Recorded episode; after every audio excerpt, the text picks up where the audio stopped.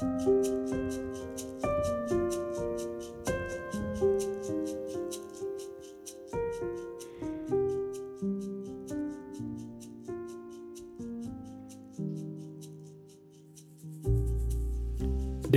håpsordet er hentet fra boka mi Gi mine øyne lys.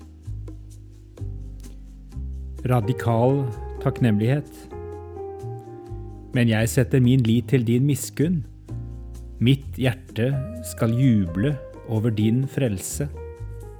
Jeg vil synge for Herren, for Han har gjort godt mot meg.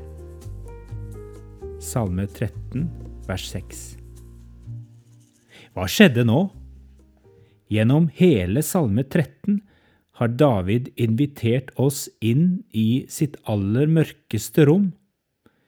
Vers for vers har han beskrevet en opplevelse der Gud er borte. Angsten og motløsheten synes å ha tatt overhånd. Så kommer dette siste verset, der tonen med ett er en annen. Er han ute i friheten og lyset? alt nå? Ikke nødvendigvis.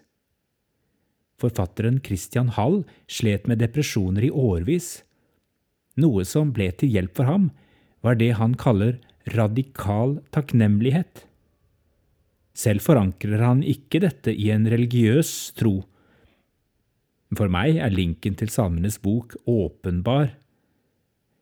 Radikal takknemlighet innebærer å gå på leting etter den minste ting som er bra i dag, uansett hvor smertefullt livet ellers er. Det er lett å la seg provosere.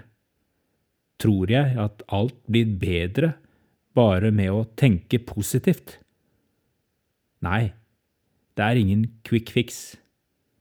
Men det er tale om en langsiktig vaneendring som gir resultater for mange. I kognitiv terapi brukes øvelser i takknemlighet som et kraftfullt virkemiddel mot depresjon.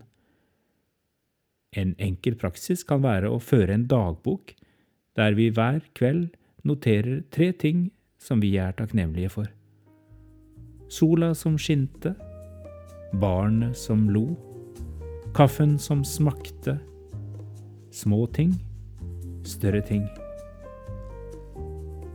Radikal takknemlighet er et tema jeg kommer tilbake til. For David er takknemligheten et trassig valg. Jeg vil synge for Herren.